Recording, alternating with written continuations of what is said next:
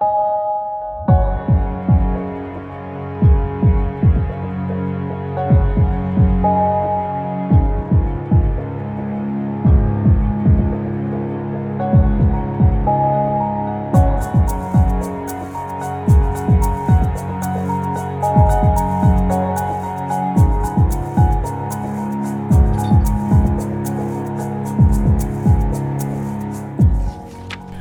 allemaal en welkom bij een nieuwe aflevering van Radio Savannah, de podcast van Boekwinkel Savannah B. Ik ben Susanna En ik ben Lola. en wij zitten wel samen, maar niet in de boekwinkel. Nee. Maar in ons hart natuurlijk altijd wel. In het centrum van Utrecht, de onafhankelijke boekwinkel. eh, die gespecialiseerd is in feministische literatuur. Wat voor ons zoveel wil zeggen als literatuur op het snijvlak van gender, queerness en postcolonial. Yes. En het is eh, nieuw, het, een nieuw jaar. Jullie hebben al een aflevering geluisterd. Maar eh, dit is de eerste keer dat wij weer opnemen. Dus we hebben een beetje nieuwjaarsspanning. I know, en excitement. Hoe ging het ook alweer? Ja, ik heb eh, 2021 tot het jaar van Radio Savannah gedoopt. dus eh, get ready. dit, is, dit is het jaar waarin we de wereld gaan veroveren. Sowieso. Met onze podcastkunsten. Jee. Want het zit zo, we hebben een paar dingetjes veranderd in de opzet van de podcast. Ehm, en met name in het soort afleveringen wat we gaan maken komend jaar. Waar jullie nu naar luisteren is een nieuw soort aflevering. Spannend, voelen jullie het? Daarom zijn we een beetje onwennig. Namelijk eh, een aflevering waarin we je gaan vertellen wat de boeken van de maand zijn bij Boekwinkels van AB. Wat onze top tips zijn van de maand. Fictie, non-fictie, alles ertussenin. Ehm, en dan gaan we even kort vertellen waarom dat topboeken zijn en waarom je ze moet lezen, kopen, in je hart moet sluiten. Ja. En eh, ja, even in vogelvlucht door de winkel en alles eh, wat er in de winkel wordt aanbevolen. Ja, een soort update even. Wat Ja. is aan de hand in de winkel? Wat zijn mooie boeken? Waar zijn we mee bezig? Ja, precies. En omdat we natuurlijk eh, ja, het niet kunnen laten om ook gewoon onze eigen mening over al die boeken te geven, blijven we gewoon doorgaan met het opnemen van afleveringen over specifieke titels, met gasten, speciale afleveringen over onderwerpen die ons eh, na aan het hart liggen. Alleen, eh, ja, nee, dat zijn boeken die wij uitkiezen, boeken die gasten uitkiezen, boeken die eh, Ja. we ook heel tof vinden, maar die gewoon toevallig niet boeken van de maand zijn. Misschien wat oudere titels. ja, maar wel heel erg de moeite waard. ja, En beste luisteraars, weet je wat dat betekent? Is dat wij dus vooruit kunnen gaan plannen met deze podcast. Oh. En, en niet binnen een paar dagen telkens een boek hoeven te lezen. Heel snel een mening over moeten vormen. En heel snel opnemen, zodat zo snel mogelijk eruit kan. Ja. Zodat jullie het nog op tijd kunnen horen. En dat geeft ons dan wel weer heel veel rust en eh, inspiratie. ja, en wat het ook betekent, en dat ga ik dus nu on the record zeggen, is dat we regelmatig een aflevering eruit gaan gooien. Oh, het hoge woord.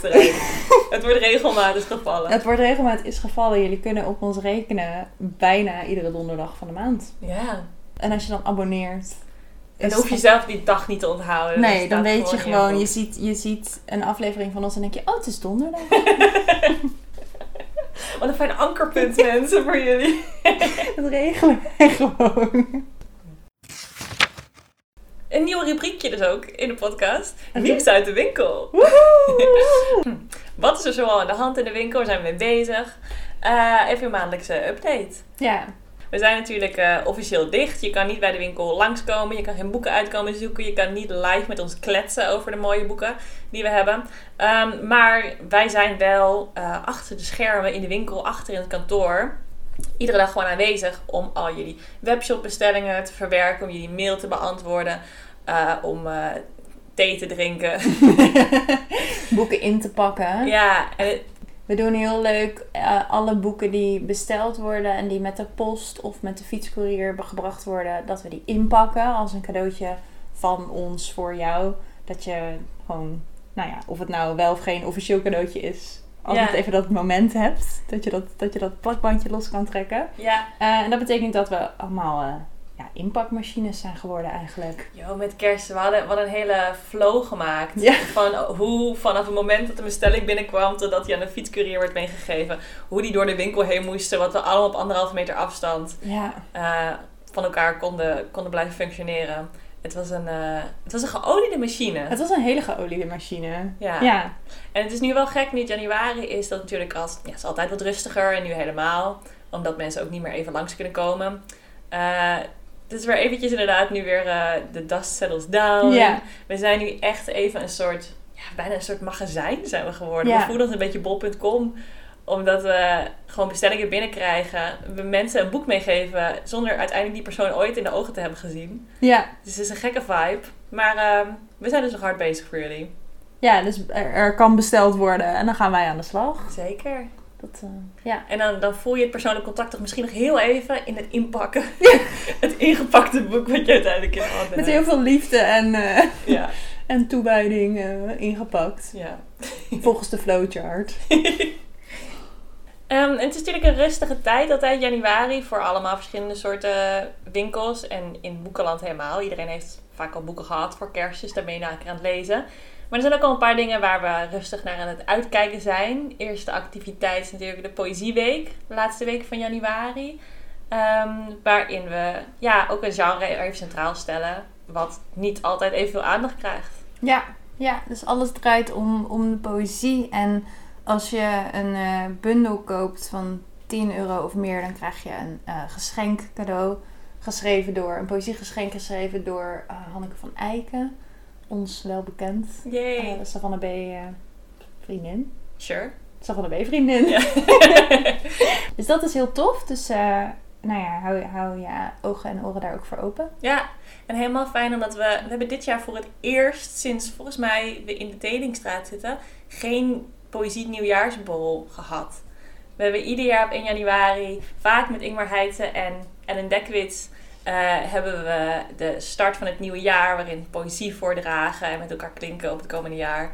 En dat hebben we niet, niet kunnen doen. Er komt nog wel een online variant aan. Dus dat is natuurlijk hartstikke leuk, moet je meegaan. Maar eh, het is wel fijn dat we nu een ander poëziemomentje wel even kunnen vieren. Ja, dat we daar vast naar uit kunnen kijken. Ja, en lekker ook met een Utrechtse dichter. Daar houden we van. Wat er eh, uiteraard gewoon doorgaat in het nieuwe jaar zijn de boeken van de maand van Savannah B. En ook deze maand hebben we weer twee super mooie, fantastische, unieke, Ja. eh, tot denken aanzettende boeken uitgekozen die eh, in de spotlight staan in de winkel en ook hier in de podcast. En die Mhm. gaan we eventjes eh, nou, in het zonnetje zetten hier. Even kletsen. Even kletsen erover. Ehm, boek nummer 1 is het boek Ook ik ben stuk gewaaid. Essays over rouw. Geschreven door Emma van Meijeren en uitgegeven door uitgeverij Chaos. Yay. Yay! En verschenen vorig jaar, november? Vorig jaar. Ja, een paar weken geleden. Ja, dat is een paar weken geleden. In 2020 uitgebracht. Ja. En ehm, nu eh, bij ons in de spotlight. Emma van Meijeren is schrijver en DJ. Haar werk verscheen eerder bij Vice, Glamcult, De Groene Amsterdammer en Recto Verso. En dit is haar eh boekendebuut. Mhm. Mede mogelijk gemaakt door onze vrienden bij uitgeverij Chaos. Yes. En ehm, ook Ik ben stuk gewaaid is een, eh, wordt op de achterflap omschreven als een collectie van notities over aanhoudende rouw. Dus eh, tien jaar na het verlies van haar moeder stelt Emma van Meijeren vast dat rouw niet verwerkt kan worden. Ze onderzoekt de mogelijkheden voor een blijvend ambivalente houding tegenover haar verlies. Mm. Dus we zitten in, dit, in deze, ja, het is eigenlijk een bundel. Ja. Een, een mini-essay-bundel. Ja, want het is een vrij kort boekje. Ja, er staan drie, eh, drie essays. Inderdaad, notities is wel een mooi woord ervoor. Ja. Met soort. Maakt verschillende zijstapjes. En, en onder, is heel onderzoekend eigenlijk over rouw en over hoe daarmee eh, om te gaan. En eh, je leest eigenlijk hoe Emma daarin. Dus haar zoektocht daarin. Ja. En dan gaat ze naar langs wat ze persoonlijk ervaart. Ze praat met anderen. Ze, ze googelt. Ze leest theoretische teksten. Ze leest romans. eh, nou ja, probeert voor zichzelf uit te vogelen wat op dit moment voor haar eh, werkt. Eigenlijk in, het, in het omgaan met rouw. Ja, want het, is, het woord rouw is best wel heftig soms. Of het heeft voor heel veel mensen, ligt natuurlijk aan, misschien ook wat je persoonlijke ervaring ermee is, best wel eh, heftige connotaties. En dit is heel erg het boek van iemand die al heel erg bekend is met rouw. Het is niet per se een boek over die die keiharde, alles overweldigende emotie zoals zeg maar verse rouw is. Maar het is heel erg het verhaal van iemand die al heel bekend is met rouw, die er al een soort ja, een zoektocht al in heeft gehad. En echte reflecties daarop ook. Niet Ja. dat het onpersoonlijk is, maar wel ja, reflectief, Ja, ja. rustig. Ru- ja, rustig boek vond ik het inderdaad. Dat is wel een mooie manier. Ja. En een beetje mijmerend of zo ook. Het is niet een, een essay-collectie waar, waarin een, een snoeihard punt wordt gemaakt. Wat met allerlei harde argumenten in your face gegooid wordt. ja, het is geen manifest of zo. Nee, nee. Het, is, het heeft echt een hele andere vorm. En want het is geen manifest, maar er zit wel een duidelijke soort, niet echt een boodschap, maar een idee in het boek. Namelijk het idee dat rouw niet iets is wat op een gegeven moment ophoudt. Het is niet, ik verlies iemand, ik moet even door de rouw en dan ben ik er voorbij. Maar het is iets wat je als op een gegeven moment een plekje moet gaan geven in je leven. Ehm, dus wat Emma onderzoekt is hoe kan dat verlies van mijn moeder, hoe kan ik dat zonder het te negeren, Ja. ehm, toch door met mijn leven. De nieuwe positie, die, de nieuwe relatie die ik tot mijn moeder heb, zeg maar. Hoe kan ik die begrijpen? En ze gaat dan kijken naar verschillende academische teksten, naar eh, ideeën uit de dierenwereld, hoe olifanten omgaan met rouw, et cetera. Eh, wat kunnen rituelen wel en niet voor haar doen? Eh, wat kan poëzie wel en niet doen? Al die verschillende soorten mogelijkheden gaat ze even langs. En ze bespreekt een beetje analytisch, maar ook heel persoonlijk. Intuïtief voelt ze aan wat werkt wel voor mij, wat werkt niet voor mij. Dus het geeft ook een soort, ja, stel dit is iets waar je in, in je eigen leven ook mee bezig bent. Het geeft een soort van handvaatjes van dit zijn mogelijke manieren om na te denken over wat, wat de positie van rouw in mijn leven kan zijn. Ja, en ook dat dat aan, aan verandering over, onderhevig is. Dus dat eh, het maar zo kan dat nu iets voor je werkt. Of dat je nu ergens heel erg op aangaat. En heel veel, wat heel veel steun kan bieden. Wat misschien over twee maanden alweer Ja, een vergelijkbaar ritueel. Dat je dat op een hele andere manier kan ervaren of zo. ja. Tot slot lees ik nog even een heel klein stukje voor. Dat je een beetje een idee krijgt uit het laatste essay. Dat heet Er is geen ruimte zonder jou. Met als ondertitel Rouwpatronen weven. En dan, eh, het stuk gaat als volgt. Mijn moeder was onderdeel van een patroon van zussen. Zeven vrouwen die afwisselend extreem op elkaar kunnen lijken en even extreem van elkaar kunnen verschillen. Een van de zussen nam me een paar jaar na mijn moeders overlijden op een verjaardag apart. Ze zei: Ik denk nog wel eens aan haar hoor. Toen ik niet direct reageerde, voegde ze er voorzichtig aan toe: Aan je moeder.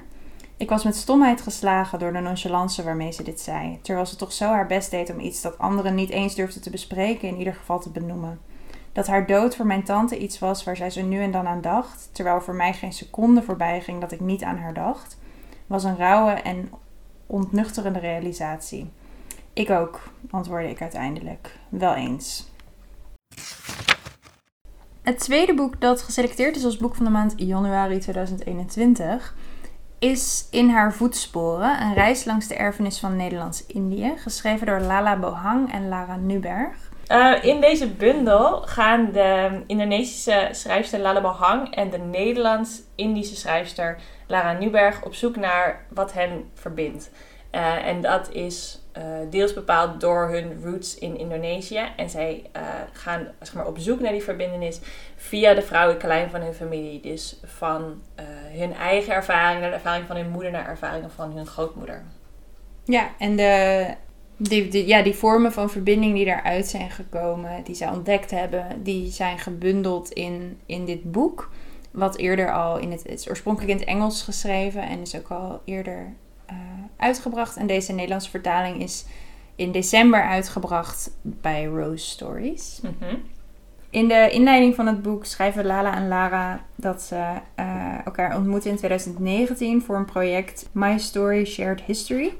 Eh, een initiatief van Comunitas Salihara, een Indisch herinneringscentrum en Dutch Culture. En dat was eigenlijk, eh, het doel van het project was om te onderzoeken hoe eh, internationale en nationale geschiedenis persoonlijke familiegeschiedenissen heeft beïnvloed. En zij beschrijven in die inleiding heel mooi eigenlijk, het gaat over eten.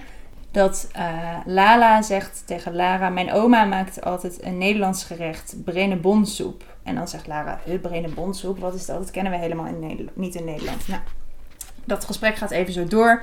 En vervolgens blijkt dat het bruine bonensoep is. En dat er dus iets is gebeurd rondom het woord bruine bonensoep of, of het idee van bruine bonensoep in de geschiedenis dat bruine bonen in Nederland if, dat bruine bonen in Indonesië bon geworden is. En dat was voor hun eigenlijk de, het startschot om dat te gaan onderzoeken. En omdat dat uh, startte rondom eten en wat gemaakt werd door hun grootmoeders en dienstmoeders, mm et cetera. Ehm, ja, was dat eigenlijk het startpunt van waaruit ze gingen zoeken en dus die voetsporen gingen zoeken. Ja. Ja, en door het boek heen zie je allemaal verschillende soort uitingen van die zoektocht. En het is uh, ja, een heel mooi uh, uitgegeven werk, wel wat niet zozeer alleen maar tekst is, uh, maar ook heel visueel. Ja. ja, visuele voetsporen, zeg maar, laat zien. Dus het idee van een, van een rode draad is op een bepaalde manier vrij letterlijk genomen. En die zien we door het boek heen geweven. hoe verschillende foto's, artefacten, verhalen, brieven, et cetera, allemaal bij elkaar worden geweven door die, die rode lijn van wat hun eigenlijk verbindt. Recepten staan erin. Ja. Uh, voor Brinnenbonsoep onder andere.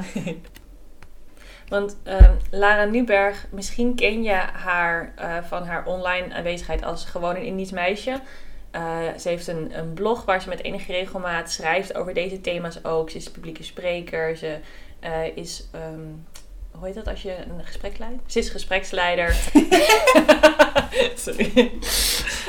Ze is gespreksleider bij allerlei soorten evenementen rond deze thema's. Ze is um, actief op sociale media, et cetera. Um, dus als dit een boek is wat je interesseert, uh, kan je haar verhaal ook volgen op allemaal verschillende ja. andere platforms. Ja. ja, en het is, heel, het is echt een heel uh, afwisselend boek ja. over één thema. En laat heel erg ook zien op hoe, vanuit hoeveel verschillende uh, hoeken. En dan dus echt vanuit wat we zeiden, brieven, recepten, gedichten, noem ja. maar, maar op.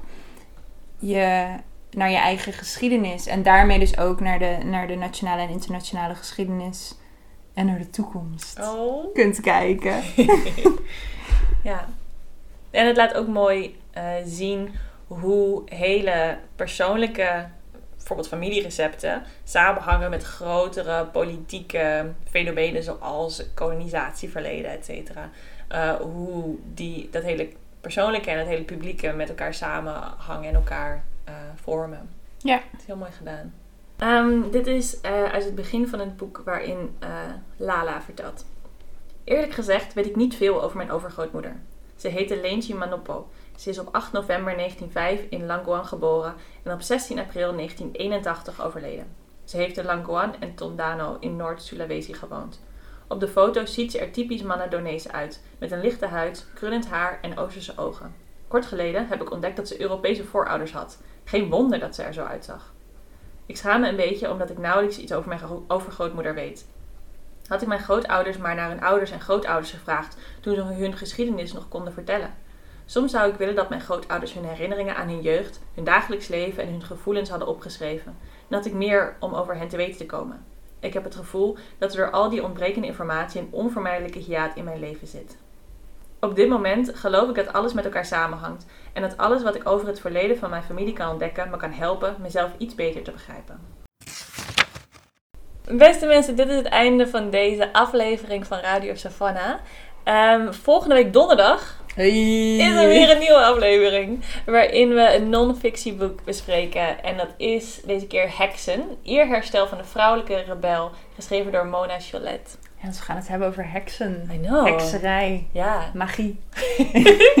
Et cetera. Ook in 2021 bedanken wij gewoon nog steeds Rieke Blom voor het maken van ons logo. En Goofdogs voor het uitlenen van zijn nummer Zoon, wat wij gebruiken als onze intro en outro muziek. Yes. Volg ons op social media. Hashtag Radio Savannah op alle socials. Yes, op, uh, gewoon, je kunt gewoon een lekker berichtje sturen naar de, de socials van Savannah B. En dan lezen wij het. Uh, laat een recensie achter, abonneer je. En dan volgende week donderdag zijn we er weer. Tot volgende week. We zijn er zelf ook nog niet helemaal klaar voor. Doei! Dag!